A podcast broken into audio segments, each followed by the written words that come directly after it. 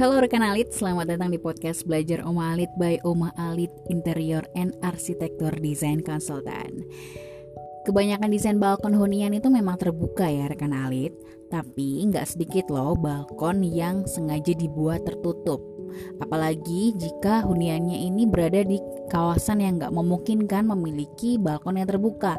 Misalnya hunian yang berada di kawasan perkotaan yang tentunya sangat rawan polusi udara ya. Jika saat ini rekan Alit sedang mencoba untuk membangun sebuah balkon dan dirasa tidak memungkinkan nih buat ngebikin balkon yang terbuka, rekan Alit bisa mencoba untuk membuat sesuatu yang baru dengan mendesain balkon yang tertutup.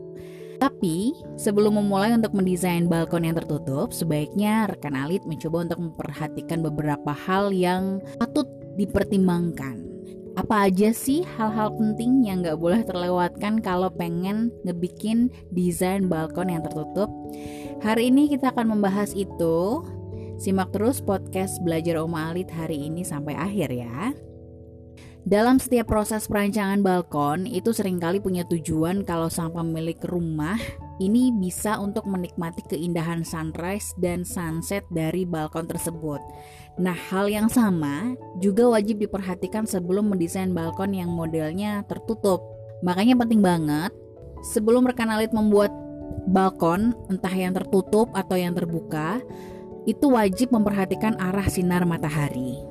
Ini penting banget ya, soalnya walaupun modelnya tertutup, area balkon tetap harus memberikan suasana cerah pada hunian. Hal kedua yang harus rekan alit pertimbangkan adalah pemilihan material penutup area balkon. Kalau rekan alit pengen banget ngebikin balkon yang tertutup, berarti pemilihan material penutupnya harus diperhatikan dengan benar. Pastinya hal ini punya tujuan supaya tetap membuat area balkon terasa cerah dan lapang. Misalnya dengan material kaca sebagai penutup area balkon, karena material kaca ini dinilai sangat sesuai untuk kebutuhan tersebut. Apalagi dengan dinding penutup kaca, rekan alit bisa meletakkan material kaca ini di bagian atap balkon sehingga muncullah elemen skylight. Soalnya nih area balkon yang tertutup juga sangat membutuhkan aspek pencahayaan dan penghawaan yang maksimal. Hal lain yang harus rekan Ali pertimbangkan adalah sistem konstruksi yang benar.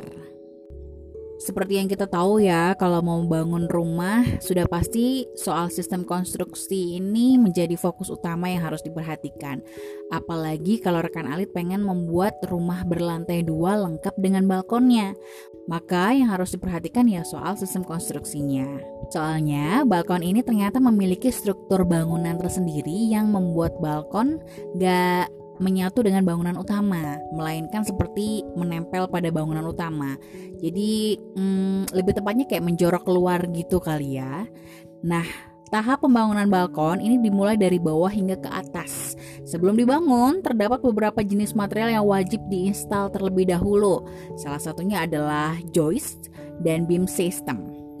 Nah, setelah semua struktur balkon ini dibangun, kemudian baru dibangun bagian lantai balkon. Setelah selesai membangun lantai balkon, langkah selanjutnya adalah memasang railing. Jika kedua bagian ini sudah terpasang semuanya dan secara sempurna, bisa didiamkan dulu selama satu hari agar struktur balkon serta elemen semen sebagai perekat menjadi kuat dan mengering sempurna. Hal terakhir yang harus rekan alit ingat nih, sebelum membuat balkon, tentukan dulu tingginya tinggi pagar balkon. Jadi walaupun desain balkonnya tertutup bukan berarti tidak membutuhkan pagar atau railing balkon. Secara keseluruhan, desain ruangan balkon yang tertutup ini juga masih bisa atau masih dianggap tetap membutuhkan pemilihan pagar atau railing balkon dengan ketinggian yang tepat. Hal ini dilakukan supaya tetap dapat menjaga keamanan rekan alit dan keluarga ketika sedang berada di area balkon.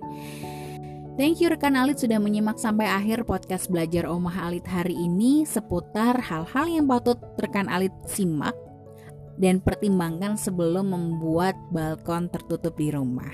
Semoga bermanfaat untuk rekan Alit dan semoga renovasi di rumah dan pembuatan balkonnya berjalan dengan lancar ya.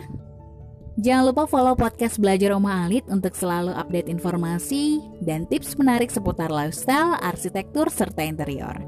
Follow juga fanpage Oma Alit dan Instagram at Omah Alit. Subscribe YouTube channel kami di Omah Alit underscore interior.